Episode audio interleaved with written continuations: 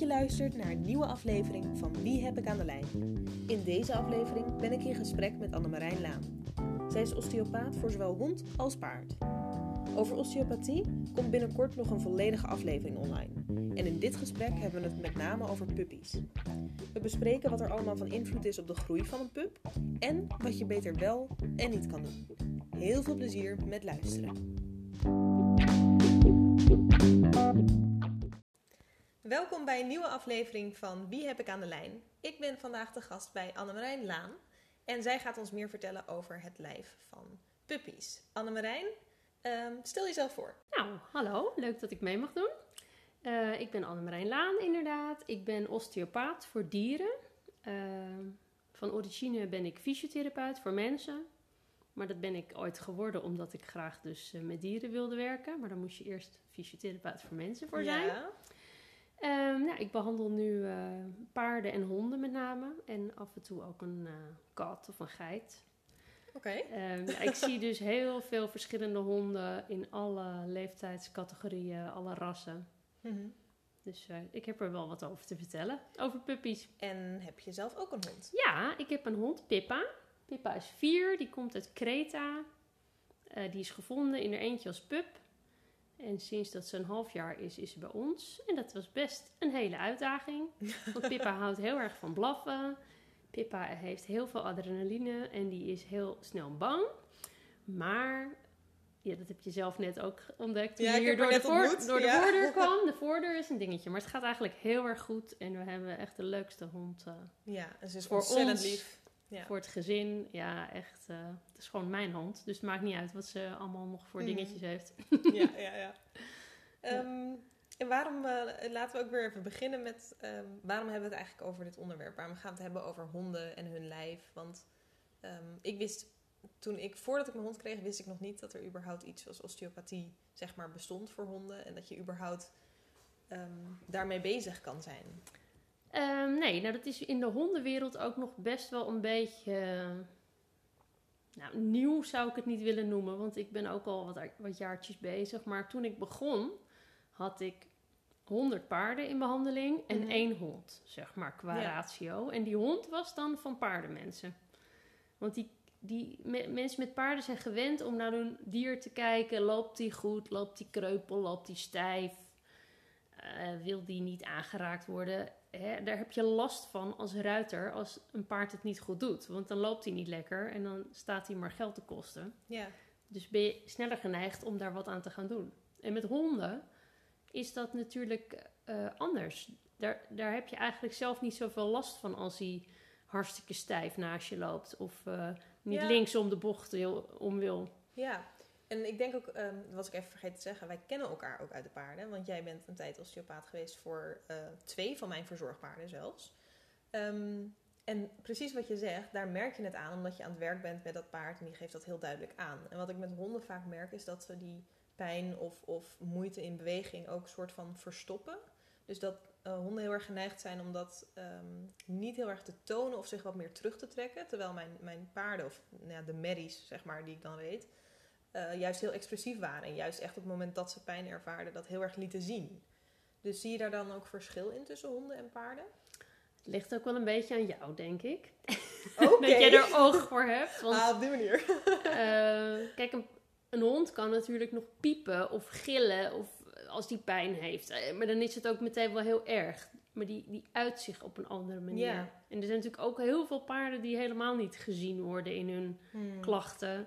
En waar gewoon strenger tegen opgetreden wordt met hulpmiddelen of een zweep of wat dan ook, om ze toch aan het lopen te krijgen. ja, precies. En met honden, um, ja, die honden zijn natuurlijk ook gewoon uh, natuurwezens die uh, hun weg daarin vinden. En niet de hele tijd zeggen: Goh, ik heb een beetje een stijf achterbeen. Uh, kunnen we daar wat aandacht aan besteden? Nee. Die, die gaan ook door, helemaal als er adrenaline in het spel is, of jachtinstinct, of wat dan ook. En er zijn natuurlijk ook heel veel hondenrassen die ja, van nature zo slecht in elkaar zitten, genetisch Mhm. gefokt door mensen.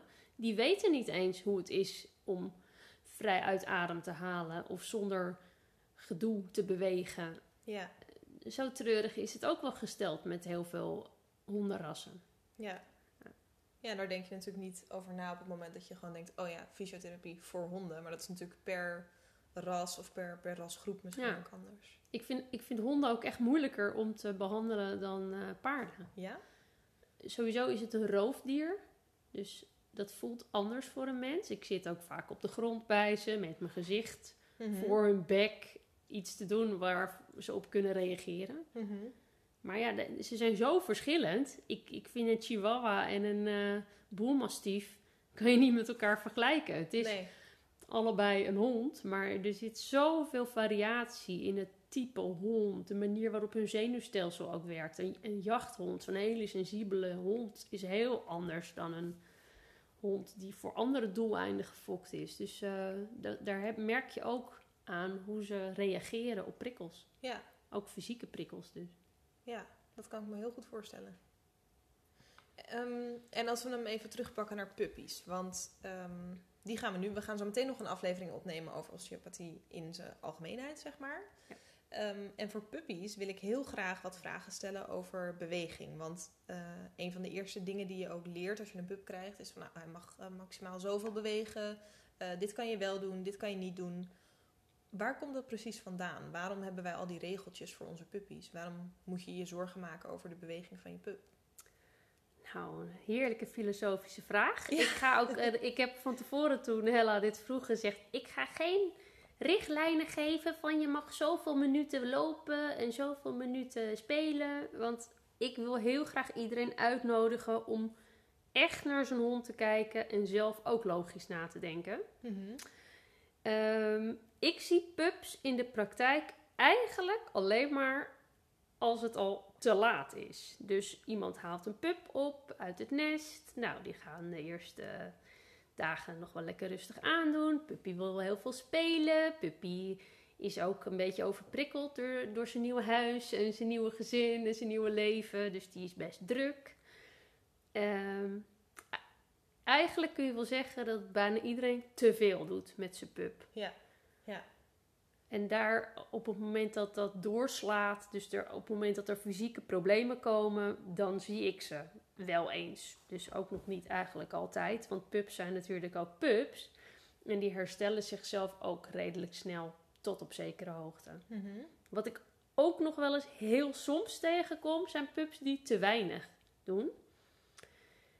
En dat is denk ik ook uit een soort goede bedoelingen begonnen. Maar dan moet je denken aan hele grote hondenrassen, van wie de fokker heeft gezegd: hier moet je heel voorzichtig mee Ja. doen. Ja. Hij moet de hele dag in de bench. Dat gebeurt ook. Dus dat je zo'n hele zware grote hondenras hebt, die op goed advies van een hele goede fokker de hele dag in de bench zitten en er af en toe eens uit mogen om te wandelen of zo. En dat is natuurlijk ook niet goed. Want en dat je is moet. dan uit angst dat hij mogelijk eh heupdysplasie Ja, of, of- gewrichtproblemen ja, gaat ja, ontwikkelen. of dat hij zich al te snel overbelast. Dus Ja. dat is eigenlijk goed bedoeld, maar precies helemaal verkeerd. Een Want soort een preventief. lijf ja, moet je ook gebruiken. Wil je Ja. hem goed Ja. eh, kunnen laten groeien. Want als je een pup hebt, ehm, dan, dan moet je je zo voorstellen dat die, door, omdat hij groeit, dus ook spier ontwikkelt en, en eh, in die zeer, een zin een soort veerkrachtigheid ontwikkelt in zijn lijf, zeg Ja. maar. Nou, er gebeurt, dat, eh, er gebeurt heel erg veel in een pup als hij groeit. Dat gebeurt al zodra de conceptie begonnen is. Ja. Dan gaat er een ongelofelijke groeikracht komen. En hoeveel verbindingen er worden gelegd in het zenuwstelsel. En dat, dat kunnen wij ons bijna niet voorstellen. Wat een ongelofelijke klus het is om een lichaam tot volwassenheid te laten groeien. Ehm, op het moment dat een pup geboren wordt, maar eigenlijk ook nog op het moment dat je hem ophaalt ja. eh, bij een fokker Want ze zijn nog hartstikke klein. zijn natuurlijk. ze ook nog helemaal zacht. Want wij denken graag aan een gewricht als een kop in een kom Mhm. van bot. Ja. Met daaromheen een kapsel of zo. Maar bij die puppies is dat een soort gummi. Dat is allemaal nog vervormbaar. Ehm, ja, daardoor zijn ze ook wel een soort van veerkrachtig. Als ze een keer een koprolletje maken Ja, als pup, ja, dan, dan is er niet meteen wat aan de hand. Maar ja, realiseer je dat de stevigheid er totaal nog niet in zit. Die moeten ze gaan opbouwen. ja. En die bouw je op door gedoseerd te vragen van een lijf wat hij moet doen. Hm, hm. Dat is ook echt een osteopathisch principe, zeg maar. Eh, use it or lose it. Ehm, ik ga dat in die andere podcast daar lekker Ja, uitgebreid precies, precies. over hebben. Maar ieder weefsel gaat zichzelf vormen naar wat er van gevraagd wordt. Mhm. En nou, nou kan je denken, nou dan vraag ik meteen lekker veel, want dan wordt het sterk. Zo werkt het Ja. ook niet. Dat moet, dat moet je dus wel echt doseren. Maar als je een lichaam wil leren lopen, dan moet hij lopen. Snap je? Mhm. Dan, dan heeft het geen zin om dat te vermijden. Maar is er dan een verschil tussen lopen door de huiskamer en lopen in de straat? Ja, dat is er wel. Ehm, want je hebt ondertussen natuurlijk ook nog het eh, hele mentale verhaal. De prikkels die op je afkomen. Ja. De ondergrond maakt uit. Ehm, die pups die groeien ook zo ongelooflijk hard. Het is, soms verdubbelen ze wel eens qua gewicht in een week. Echt. Ja. Het- Ja, je kan het bijna klopt. niet geloven hoe snel dat gaat. En, Ja. en dat lichaam moet het ook maar bijbenen. Hè? Je kan een goede doorbloeding hebben en je kan eh, spieropbouw hebben. Maar bijvoorbeeld je opvangreacties, die moet je echt trainen. Mhm. En daar gaat het bij pups dus in het begin nog alles mee fout. Die zijn gewoon ook nog een beetje klunzig. Dus dat is ook weer eh, blessuregevoeliger. En eh, je hebt vaak met, met honden, helemaal de grotere rassen, heb je ook wel eh, de periode waarin ze bijvoorbeeld hele lange steltbenen Ja, hebben en de rest ja. nog een beetje achterblijft. Ja, Dat je hond een beetje uit proportie is. Heeft dat ook nog invloed op die tuurlijk. Die, die, die, die, die benen die groeien eigenlijk harder dan dat het zenuwstelsel het kan bijbenen. En wat je ook heel vaak ziet is dat eerst dan de achterpoten een groeispurt doen. En dan de voorpoten Ja. weer. Dat gaat met horten en stoten. Het ziet er af en toe ook niet uit. Nee. Maar ja, dat is wel een kwetsbare periode. Waarin je dus dat je daar wel van bewust moet zijn dat, dat, ja, dat je daar een beetje zorgvuldig mee om moet gaan. Wat je wel of niet vraagt van zo'n hond. Mhm.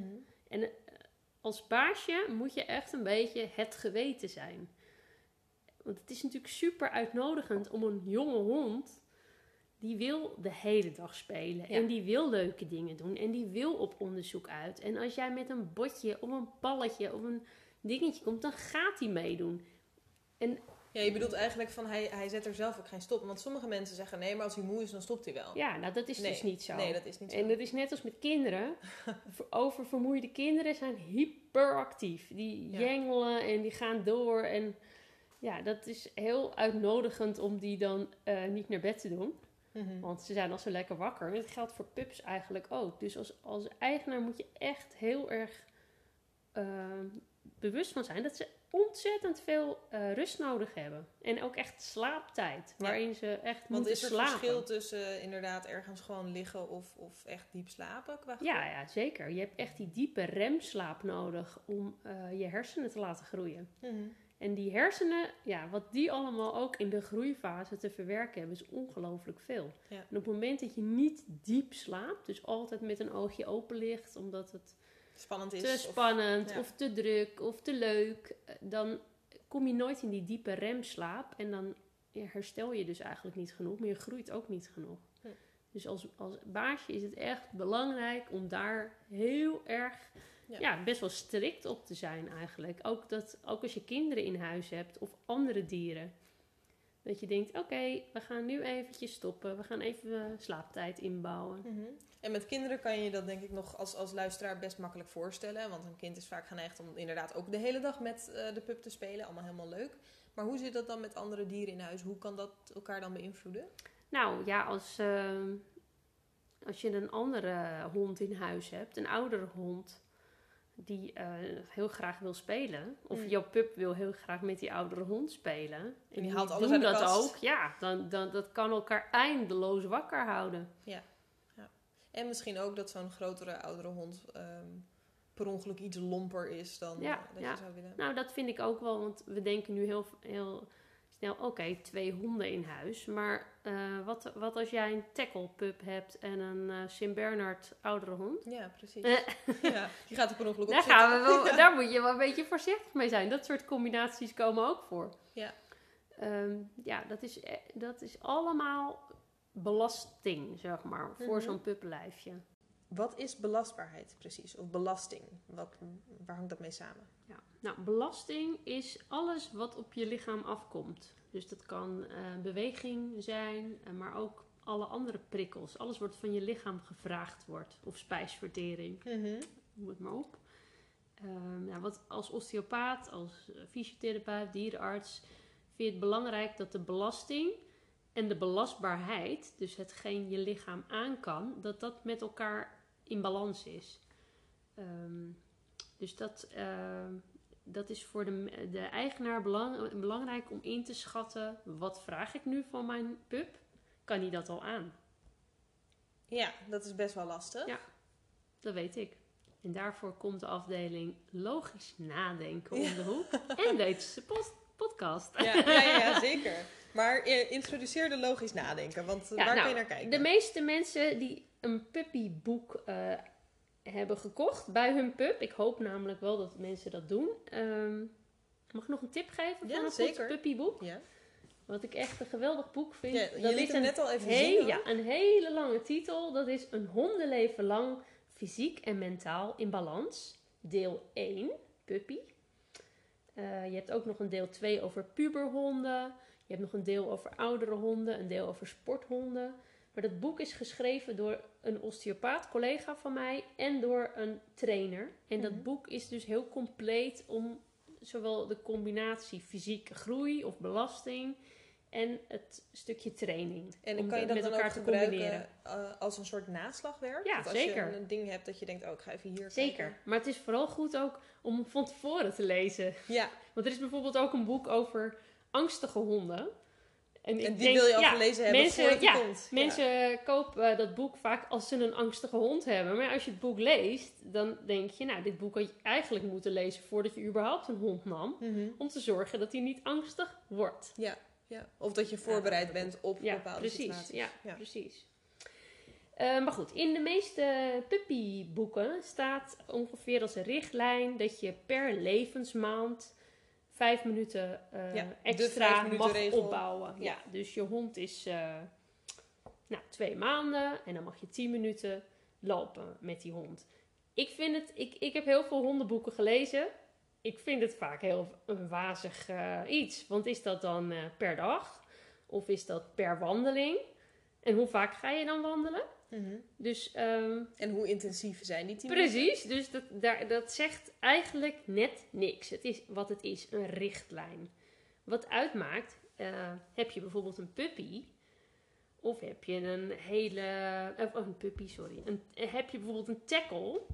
Of een hele atletisch model sporthond. Ja, Dat maakt uit. Ja. Eh, heb je een heel klein ras of heb je een heel groot ras? Dat maakt uit. Hm. Want als je een tackle hebt, dan moet je extra voorzichtig zijn in die opbouwfase. Juist als alles nog een week is. Omdat ze zo kwetsbaar zijn. In de jonge jaren van een hond leg je dus de basis voor zijn oude dag. ja. Of hij gezond en fysiek fit oud wordt. Dat, doe je, dat leg je dan al vast. En ehm, maakt het ook nog uit wat voor soort wandeling? Dus, dus waar je bent of... Ja. ehm, Zeker, want eh, je hebt eh, plekken die heel erg druk zijn qua andere honden. Je hebt plekken die zijn heel erg druk qua, ver- qua verkeer of voetgangers. Hè? Of je nou in een eh, dorpje op het platteland woont of midden in Amsterdam. Maakt uit. Hoeveel prikkels komen er in die wandeling op jouw hond af? Wat valt er allemaal te snuffelen? Dat, is allemaal, dat heeft allemaal impact.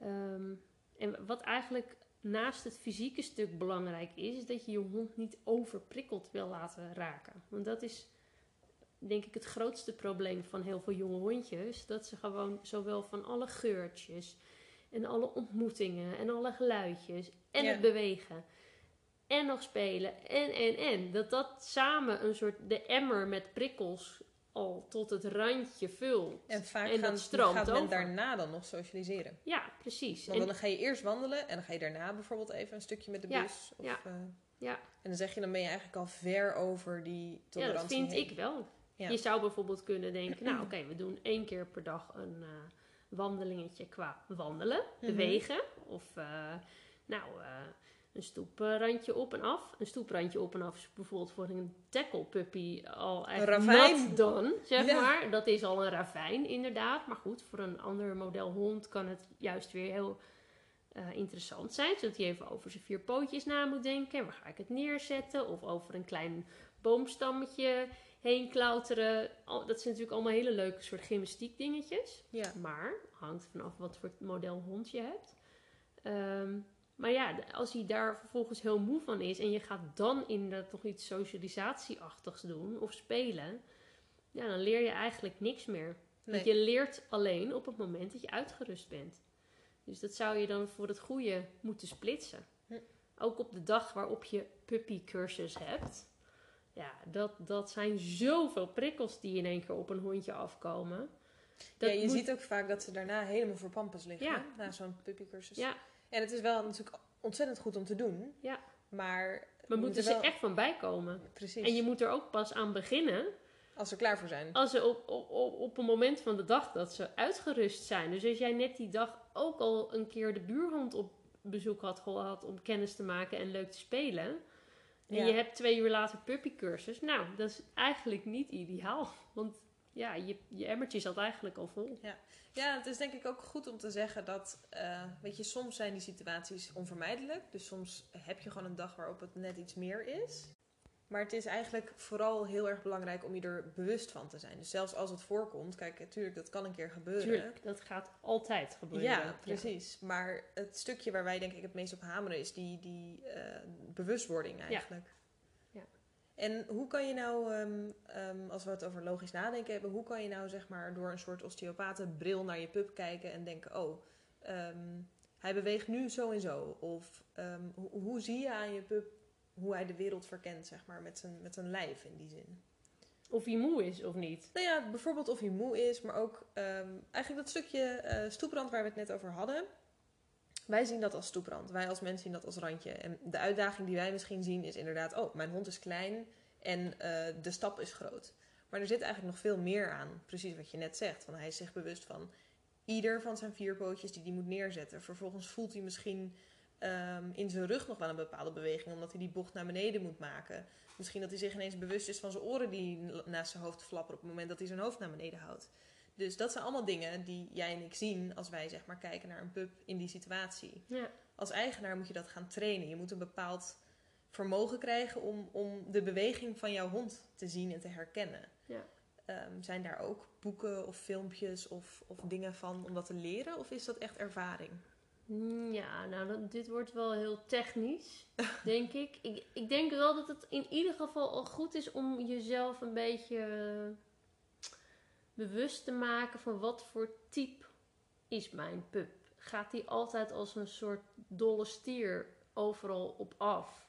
Stoot overal zijn hoofd, maakt overal een salto overheen? Ja. Of heb ik juist een pup die eerder heel terughoudend is en eh, van een afstandje wil kijken of eventjes eerst wil snuffelen of even voelen. Dat, dat maakt wel uit hoe je ook weer zo'n stoeprand gaat benaderen of, Ja. een, of een nieuw dingetje.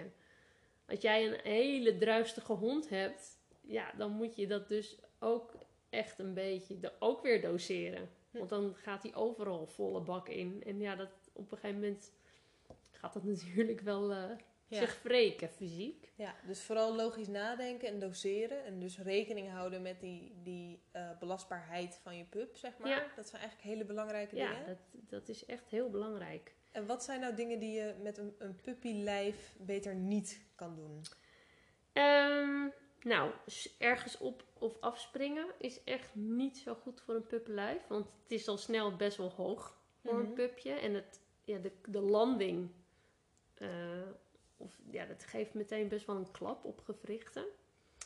Eh, traplopen is echt nat dan voor puppies. Want je hebt van die en hele schattige filmpjes op internet met van die kleine puppies bovenaan de trap Ja. dan zo naar beneden tuimelen. Ja, vreselijk. Ja, ja daar kijk jij echt Ik tegen zou echt een, meteen een traphek eh, installeren. Ja, nee, dat, dat, dat is echt eh, veel te belastend. In en uit de auto springen, nou, met hele kleine pups. Weet je wat het gekke is in dit hele gesprek? Als we denken aan een puppy net uit het nest, zo'n fluffy, Schattig floppy bolletje. bolletje, is het allemaal best wel logisch. Maar wat als hij groter wordt, handiger, slimmer, Ja, bij de hand er steeds meer op een hond lijkt, maar nog steeds van binnen een pup is, dan wordt het veel uitdagender, dit hele verhaal. Hè? Ja. Want het duurt best wel een tijdje voordat hij echt eh, af is qua groei. Ja, je, het is een heel goed punt wat je nu aansnijdt. Want ehm, als ik het heb over een pup, dan heb ik het over een hond van 0 tot en met eh 1 slash anderhalf jaar. Ja. Dat is voor mij een pup. Ja. En wat je, waar je mij nu eigenlijk op wijst, is dat misschien de luisteraar denkt van een, een pup is een pup tot 12 weken en daarnaast een hond. Kijk, het wordt op een gegeven moment een puber. Ja. En hormonaal gaat er zich dan van alles roeren. Meestal als ze een puber zijn, zijn ze nog niet echt helemaal volgroeid qua botten en gewrichten, zeg maar, of aanleg. Ehm, maar ja, ook daarin zit in honden weer mega veel variatie. Want kleinere rassen zijn over het algemeen eerder uitgegroeid dan Ja. grotere rassen. Daar zit een enorme variatie tussen. En ook daarin, dan zal in, binnen hetzelfde ras het ene, de ene hond of de andere hond veel vroeger rijp zijn of juist helemaal niet dan Ja. de ander. Dus ook daarin geldt, kijk naar je hond. Is hij op papier uitgegroeid?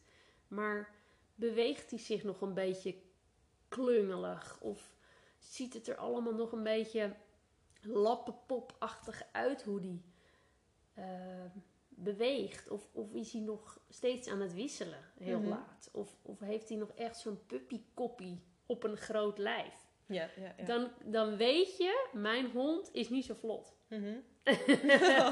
Ja, dat, en dat, ieder heeft zijn eigen manier van groeien. Maar dan geldt het handboek, hij is nu af, eigenlijk niet. nee. Snap je? Ja, ik snap heel goed wat je bedoelt. En ik denk ook dat het heel goed is dat je dat nu eh, nog even aansnijdt. Want dat is natuurlijk een van de lastigste dingen. Eh, wanneer is mijn pup geen pup meer? Ja, ik denk alle, alle dingen die we nu bespreken en alle richtlijnen die er zijn, kan je eigenlijk vaak, zeker totdat ze een jaar oud zijn, sowieso nog Ja. volhouden. En vaak zelfs al langer dan dat. Ehm, en een heel belangrijk eh, thema wat daar ook bij past, is het strand. Want er, dat is volgens mij een onderwerp wat je ongelooflijk vaak hoort onder hondeneigenaren. Van ja, hij mag nu nog niet. Hij mag nu, eh, nu eindelijk wel. Ik ben met Mats, eh, toen hij een jaar oud was, ook echt als een soort van grapje. Zo van, nou, nu is hij eindelijk een jaar. Dan gaan we eindelijk een keertje naar het strand. En voor die tijd ben ik gewoon echt niet gegaan, omdat dat zand gewoon zo mul is. Ehm, en ik vroeg me af, vanuit jouw eh, kijkpunt, zeg maar. Wat vind jij van naar het strand gaan met je hond op jonge leeftijd? Mm, ja, goede vraag. Er zijn ook weer heel veel variabelen. Mhm. Eerste, als je met je hond naar het strand gaat, moet je op internet checken of het app is op het moment dat jij naar het strand wil. Ja. Want als het vloed is, is het A, een, is het dus een heel klein strandje van alleen maar zwaar zand. En op dat kleine stukje strand zitten alle honden en wandelaars verzameld. Tegelijk, ja. Dus je kan ook niet echt uitwijken. En het is ploegen. Dus eigenlijk is dat voor ieder, iedere hond een no-go, wat mij betreft. Mhm. Want van dat zware, geldt ook voor duinzand, van dat zand waar echt doorheen moet ploegen, dat is gewoon heel erg belastend voor het lichaam. Dus check even of het app is. Ehm, en ja, heb je een jonge hond die eh, nog aardig te tillen is, ja, en, en je moet bijvoorbeeld een heel stuk zwaar zand door. Dan zou je hem ook nog een stukje daaroverheen kunnen tillen. Mhm. Eh, maar goed, dat, dat wordt als hij groter wordt alweer wat lastiger. Ja. Goed, weet je, op zich, als de strandafgang gewoon steen is en het is even een klein stukje zwaar zand oversteken. Nou, daar gaat een hond die aardig lekker in zijn vel zit echt niet van kapot, weet je. Nee. Maar ja, er gebeurt op het strand nog wel meer, want er loopt van alles rond. Andere honden. Mhm. Mensen nemen heel vaak een bal mee. Komen we zo nog op. Ja. Ehm, ze gaan achter de vogels aanrennen. Ja, er zijn zoveel indrukken. Mhm. Eigenlijk, ja, ik weet, ik, ik heb een hond die niet los kan Mhm. op het strand nog. Dat is mijn grote doel ooit. Ehm, ja, daar ben je wel mee bezig dus. Zoals je Ja, maar ja, daarvoor moeten we eerst wat andere hindernissen overwinnen. Ja. Eh, er zit mega jachtinstinct in. Ja, dan kun je je ook afvragen, wat, misschien wel slim om die wijsheid wel al jonger eh, ook eens te trainen, snap Ja. je? Ja, want er is natuurlijk nog veel meer op het strand dan alleen eh, hoe mul het zand is. Ja. Het is inderdaad al die indrukken eromheen en het Ja. feit dat je hond... Het, heel veel mensen vinden het een droom om je hond los op het strand te Ja. hebben. En dan inderdaad lekker een balletje te gooien en alles. En dat is ook heerlijk, maar er zitten zoveel, trainingstechnisch, zoveel aspecten Ja, aan dat heerlijke, vrije gevoel. Het is niet een kwestie van je hond losklippen en Nee. klaar. Nee. En dat is denk ik wel, ehm, maar goed, dat is ook weer even een ander trainingsonderwerp. Maar qua belasting eh, is naar het strand gaan gewoon ook best wel zwaar. Dus als je dat doet, is denk ik een van de belangrijkste dingen ook. Zorg ervoor dat je daarna en ook de dag daarna genoeg tijd hebt om je Ja, hond ja, bij te laten ja, komen. En niet alleen die avond. Nee, Maar ook de dag daarna. Dat is wel echt een... eh, voor een jonge hond is dat wel echt een event, zeg Ja, maar. Een precies. keertje naar het strand. Dat ja. is gewoon een festival waar ze Ja. gaan. Ja, daar, ben je echt, daar moet je ook dus uitgerust aan beginnen. ja precies. Maar ja, denk na over app of vloed. Mhm. Ja, dat Geboren. Zandvoortse, dus daar, eh, Ja, daar ga je dan sneller. Ook met de paarden ga je ook niet naar het strand Klopt. als het vloed is. Want het, ja, dat is Daar gewoon eh, te zwaar en te Ja. ja. benauwend, zeg maar. ja klopt. Genoeg eh, over het strand? Ja, genoeg over gehoord? het strand, Ja, zeker, oké. ja. Nou ja, wat dus vooral als we nog eventjes he- hebben over de dingen die je moet vermijden met een jonge hond. Dus eh, springen, traplopen, in en uit de auto springen. Gladde vloeren is een dingetje om Oh over na te denken. Ik woon in een gymzaal. Hier is het Het klinkt heel één gek, gro- maar- Ja, dat is echt zo. Ja, maar hier, dit is dus één grote glibberige oppervlakte. Ja.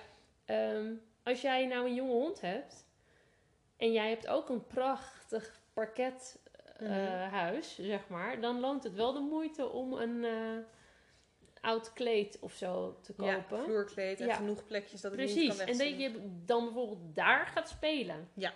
Ehm, nou ja, het is dus wel belangrijk om een, een stroef kleed neer te leggen. Mhm. Helemaal, eh, ja, dat dat ook de speelplek is.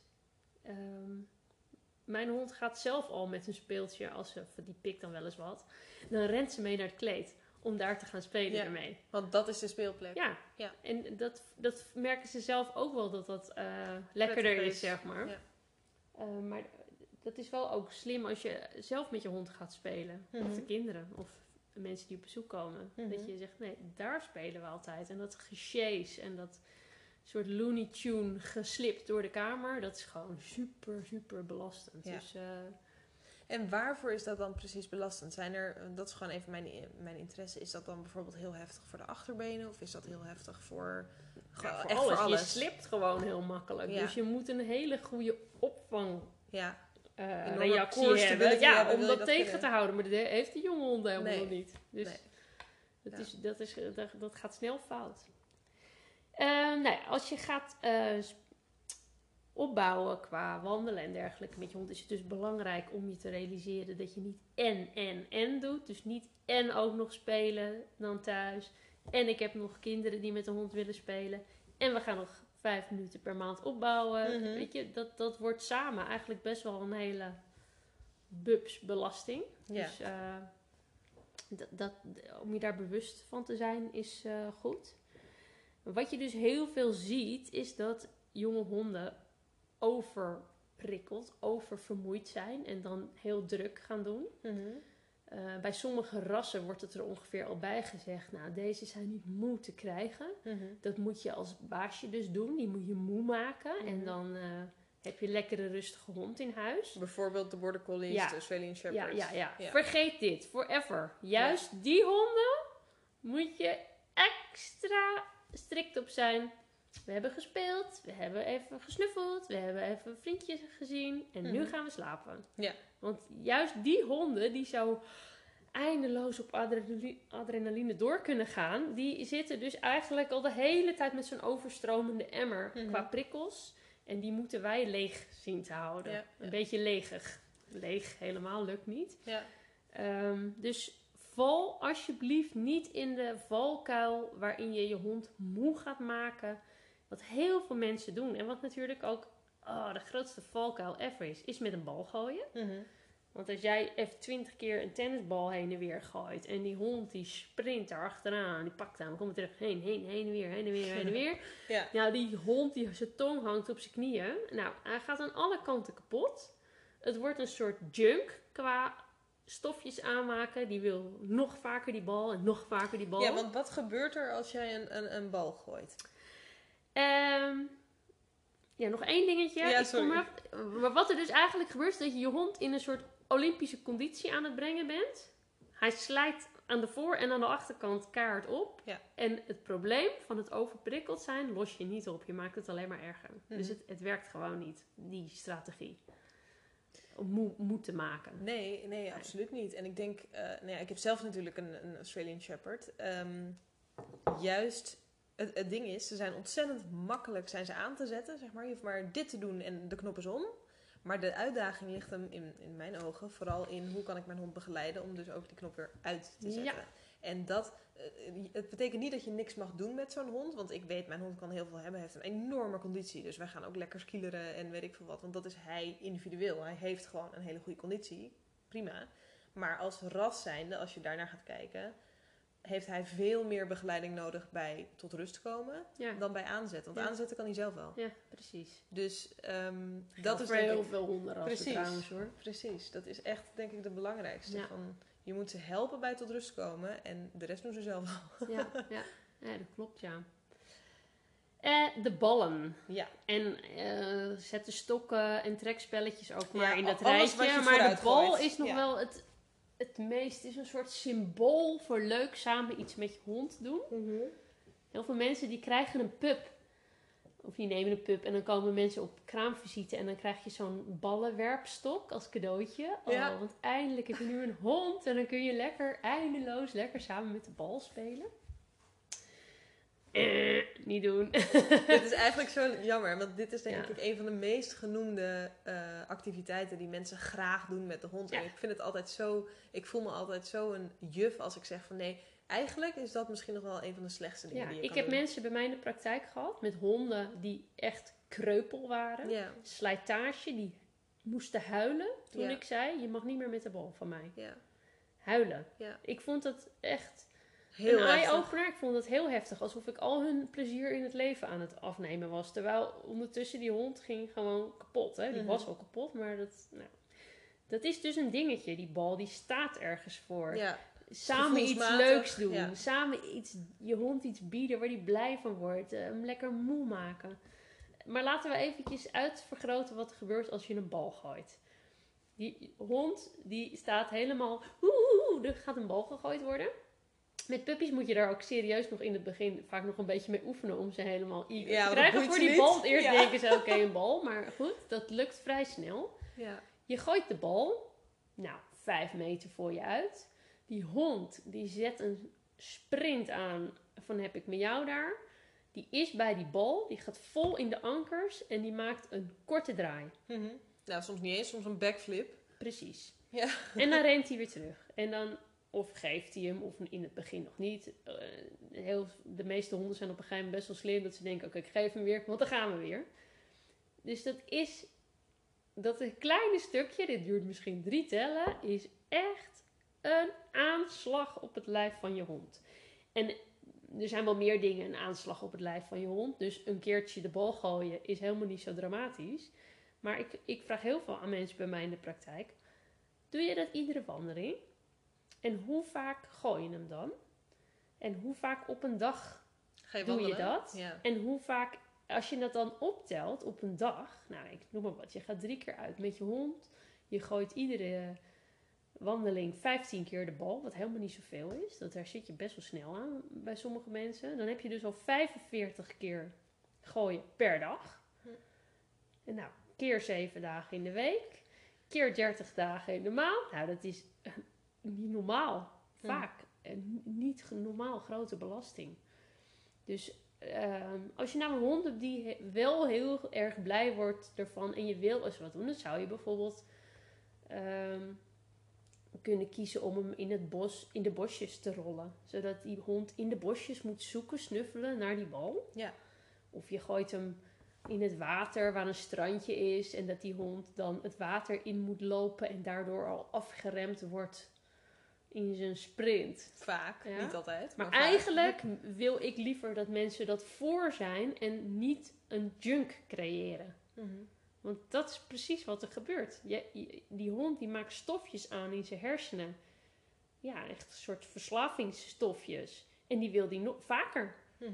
En ze zijn hartstikke handig, want ze komen zelf met de bal aan. En ze kijken er super blij mee. En, de, en, en dan kan jij als bijvoorbeeld als eh, volwassene nog heel strikt zijn.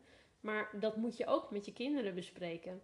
En ook met de oppas. Ja. En ook met eh, visite. Ja. Want het is heel makkelijk om daarin mee te gaan. En je, ja, je zit op een dag met een gebakken peren. Want als je, hond- je hond slijt heel snel.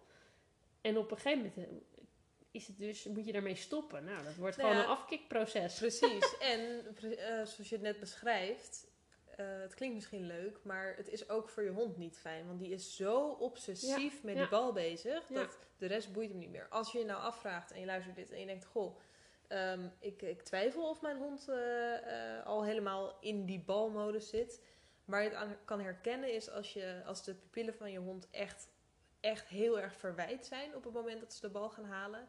Dat die tong inderdaad meteen vanaf het eerste rondje op de hielen hangt. En dat ze echt gewoon staan te popelen voordat je de bal nog een keer gooit. Dan weet je dat je echt al heel ver van huis bent. Ehm, en inderdaad, als alternatief kan je zoekspellen gaan doen met diezelfde bal. Je kan, je kan die bal gebruiken op meer manieren dan alleen apporteren. Je kan er ontzettend veel mee. Maar ehm, ik, ja, ik, het is een heel lastig onderwerp natuurlijk. Precies omdat wij, wij als mens er heel erg een gevoel bij hebben. En eh, ja, het, het staat symbool voor die vriendschap, Ja. inderdaad. Ja. Maar toch, jongens, allemaal. Niet doen! ja, precies, niet doen. Wa- Wat wij bijvoorbeeld wel eens doen hier in huis met de bal. Dan moet mijn hond in de gang wachten. En dan verstop ik die bal ergens. Ja. En dan ga ik lekker tv kijken. En dan gaat zij hem zoeken. Ja, dat is ideaal. Dat is Ja, ideaal. dat is ook spelen met de bal. Maar dat is verder... eh, nou, ze wordt er heel eh, moe en gelukkig van. Zonder dat ze Ja. kapot gaat. Ja. precies, zonder dat het kwaad doet. Ehm, wat, nou ja, de grote lange wandelingen, dat, dat kan iedereen nog wel bedenken, ook met die vijf minuten opbouwen. Dat dat eh, lastig is. Als je, stel dat je een, grotere hond hebt die dat wel nodig hebt en een pup, dan zou je bijvoorbeeld nog een buggy of zo kunnen overwegen. Ja. Ik vind, zelfs je hebt draagzakken. draagzakken, maar Ja. goed, eh, realiseer je als je hond zwaarder wordt, dan hou je hem echt, als hij meer dan 5 kilo weegt, dan hou je dat niet langer dan 10 minuten vol. Plus dat is qua hondenlijf hangen in zo'n zak is ook echt best wel belastend. Dus die, dat vind ik eigenlijk niet ideaal, tenzij je echt een mini hondje hebt. Eh, fietsen met de hond vind ik ook wel een dingetje, want... nou, dat, dat willen mensen graag ook oefenen. Ik denk als je een hond hebt die al een beetje groter wordt, dat je dat best eens kan oefenen. Ehm, puur voor de techniek, maar niet voor de afstanden. Snap je? Dus dat je je leert je hond. Eh, oh, dit, zo hoort het. Je moet naast de fiets blijven. We stappen samen op en af.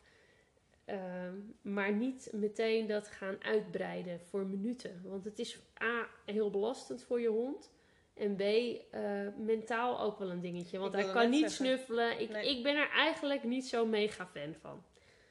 Dus mocht je het willen oefenen, doe het puur even voor het idee van... Oké, je moet naast die fiets lopen. Maar echt het opbouwen van fietsen met jonge honden... zou ik lekker ook in het hoofdstuk... Nou, laat maar, laat maar zitten. scharen.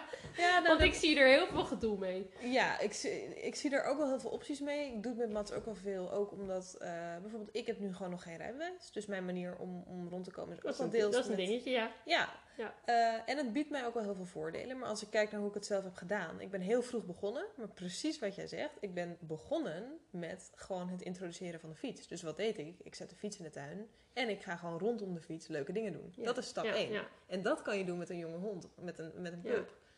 Ehm, en de allereerste keer is gewoon op en afstappen. Alleen Ja. maar op en afstappen. En dat tien keer. En dan belonen en dan iets anders gaan doen. Ja. Weet je wel? Eh, Maar dit is dus eigenlijk echt iets wat je gewoon echt moet gaan trainen. Precies, dat is en weer een niet zomaar een trainingsding. beetje gaan aanmodderen Nee, en maar dat geldt snel te veel. Ja, maar dit vind ik dus met fietsen Ja, zeker. zeker. eh, veel. Mensen maar ik fietsen zie ook ook wel te de hard. voordeel, voordelen ervan. Ja, ja het is, dat, dat is een feit hoor. Maar eh, ja, maar ik begrijp met je beleid. Ja. Graag. Ja. Eh, wat is dan eh, wel goed met je hond? Dat is... eh, dan, Dat is de natuurlijk- leukste Dat wil je dan ja. ook horen. Wat mag ik dan wel doen met mijn jonge hond? Ehm, nou, vooral iets gaan doen als je hond goed uitgerust is. Kort oefenen. Realiseer je dat als je iets nieuws doet, of iets spannends, of iets leuks, of iets wat ja, een prikkel is, dat, dat die uh, hersentjes snel vol zitten. Mhm. Uh, met lijfje ook. Dus dat je kort iets doet. En Ja. op het moment dat je ziet, oh, hij wordt een beetje afgeleid of sloom of moe, stop ermee. Want op dat moment leert een hondje, maar een mensje, niemand leert iets als hij moe is. Nee. Dus hou het lekker kort en overzichtelijk. Doe heel vaak iets oefenen, ook vanaf een afstandje. Dus niet overal met je snuffert bovenop. Gewoon lekker, lekker relaxed. Ehm, wat, ik, wat ik heel leuk vind en waar heel weinig aandacht voor is, is eh, lichaamsbesef. Want je groeit, we hebben het net geloof ik ook al even over gehad. Je groeit, alles wordt eh, langer, groter, sterker. Maar het blijft allemaal heel ongecoördineerd vaak. Ehm, heel veel pups hebben gewoon helemaal geen besef dat ze überhaupt vier poten hebben, maar al helemaal geen achterpoten. Die staart. Gaat ja, ook alle dat kanten zit, ook, dat zit er, dat flappert maar wat aan. En er zijn echt wel kleine dingetjes die je kan doen om gewoon wat meer eh, lichaamsbesef te krijgen. Waar staan mijn vier pootjes in de ruimte? Mhm. Ehm, nu wil jij natuurlijk een eh, voorbeeld. En ik wil niet meteen helemaal technisch worden. Er zijn speciale trainingen voor. Er zijn Ja. ook speciale puppy trainingen. Eh, dan, dat noemen ze dan ook vaak balans en coördinatie, gericht op pups. Ik vind dat hartstikke leuk. Ik vind het vooral leuk als het in kleine groepjes is of Mhm. privé. Ook niet een uur, gewoon even kort. Eigenlijk meer om wat tips te krijgen wat je zelf kan doen. Ja. Maar ook als je bijvoorbeeld naar het bos gaat, dat je ja, varieert met waar lopen we. Niet Precies. altijd maar de saaie stoep of het pad, maar eens een keer over een eh, klein eh, omgevallen boompje heen klauteren of door Ja. hoog gras snuffelen of al die dingen. Of een keer met je pootjes in water staan of een plas. Dat geeft allemaal lichaamsbesef. Het Ja. is allemaal erop gericht om te denken: oh, waar, waar zit eigenlijk je lijf? Aanraken helpt ook. Hè, als jij je pup aait of eens een keer onder zijn achterpootjes voelt en dat hij dat ziet, dat jouw hand daar zit. Ja, dat, dat helpt allemaal bij het in kaart brengen van je lichaam in je hersenen. Mhm. Ja, zeker. En dat is heel belangrijk. Je kan daar als baasje ook ehm, allerlei massageworkshops en dergelijke voor volgen. Er is eh, de- ontzettend veel kennis op dit gebied. En ik denk dat het ehm, eh, nog steeds een beetje onbekend is bij hondeneigenaren. Maar het is een heel belangrijk gedeelte. Want het eh, creëert ook een soort autonomie voor je hond. Omdat ze zich gewoon nog meer bewust worden van... oké, dit, dit hoort bij mij. En als, als ik dit doe, gebeurt dit. Dus ze Ja. kunnen de ruimte om zich heen beter voorspellen ook. Ja. Ehm, en het is ja, uiteindelijk, kijk, het komt sowieso wel. In bepaalde mate is het natuurlijk ook gewoon aangeboren en, en eh, door ervaring. Maar je kan ze er wel degelijk mee helpen. Ja. Dus eh, dat is inderdaad een heel, heel mooi en, en dat maakt je hond echt een stuk minder blessuregevoelig. Ja. Dus ja, dat is goede belasting. Gedoseerd, eh, gecontroleerd, kort, leuk. Ja. ehm, afwisselend, maar ook weer niet te veel. Nou, te- Ja, en daar Lastig, kan je hè? al echt, en dat is ook een groot deel eh, wat overlapt met socialisatie, daar kan je echt al dagen mee vullen met je Ja, pup. ja. Dit is echt al, eh, waar, waar we het nu over hebben gehad, is echt al de helft gewoon eigenlijk van het houden van een hond. Ja. Dus ehm, ja. veel om over na te denken, hè? ja, we zijn ook al best een tijdje bezig. Ja. Ik denk dat we eh, onze eigen energie moeten gaan steken in de volgende aflevering ook. Zijn er Ja. nog dingen waarvan jij denkt, oh, dit is echt nog... eh, Nee. Nou ja, één dingetje nog. Ja. Ehm, het is goed om eens een keer ehm, naar de dierenarts, naar de osteopaat eh, te gaan, ook als er niks aan de hand is. En als, mij, als ik gebeld zou worden door iemand met een pup die zegt: joh, mijn pup heeft niks, ik wil gewoon een keertje komen kijken of wennen. Ehm, ja, ik maak daar se- serieus met alle liefde even 10 minuutjes voor vrij, snap je? Wat er ook wel vaak gebeurt is dat iemand... eh, dat, dan hoef je dus niet meteen een hele behandeling in te plannen. Of als iemand een oudere hond heeft en ik ga die behandelen, dat je je pup vooral ook gewoon meeneemt dan. Om gewoon eens te kijken, waar zijn we en wat gebeurt er? En oh, wat is het hier gezellig. Oh, ik word aangeraakt. Oh, ik word niet alleen geaaid, maar er wordt ook nog even iets getest of gevoeld. Gewoon heel overzichtelijk, niet spannend. Zodat je niet alleen maar bij de dierenarts of bij de Ja. osteopaat staat of waar dan ook. Als er echt een probleem is en stress en druk. Dus dat is echt belangrijk om eens eh, ook, dat is ook socialisatie, maar zeker, zeker. Hele om belangrijke dat mee te nemen. Ja, Ja, ja nou dus eh, iedereen knoopt in je oren. Doe dat vooral. ja. Ehm, ja, ik denk dat we alles wel, eh, wel gehad hebben wat betreft de pub. Ehm, nou ja, ik wil je gewoon heel erg bedanken eigenlijk voor dit gesprek. graag En gedaan. voor alle informatie en alle leuke inzichten. En eh, laten we lekker de Ja. volgende podcast gaan Heel opnemen. goed. Dit was het weer voor deze aflevering. Ik hoop dat je het leuk vond. Heb je vragen of heb je opmerkingen, dan kun je deze altijd sturen naar hella.hellashondenadvies.nl. Het mailadres staat ook nog in de show notes. Heel erg bedankt voor het luisteren en tot volgende keer.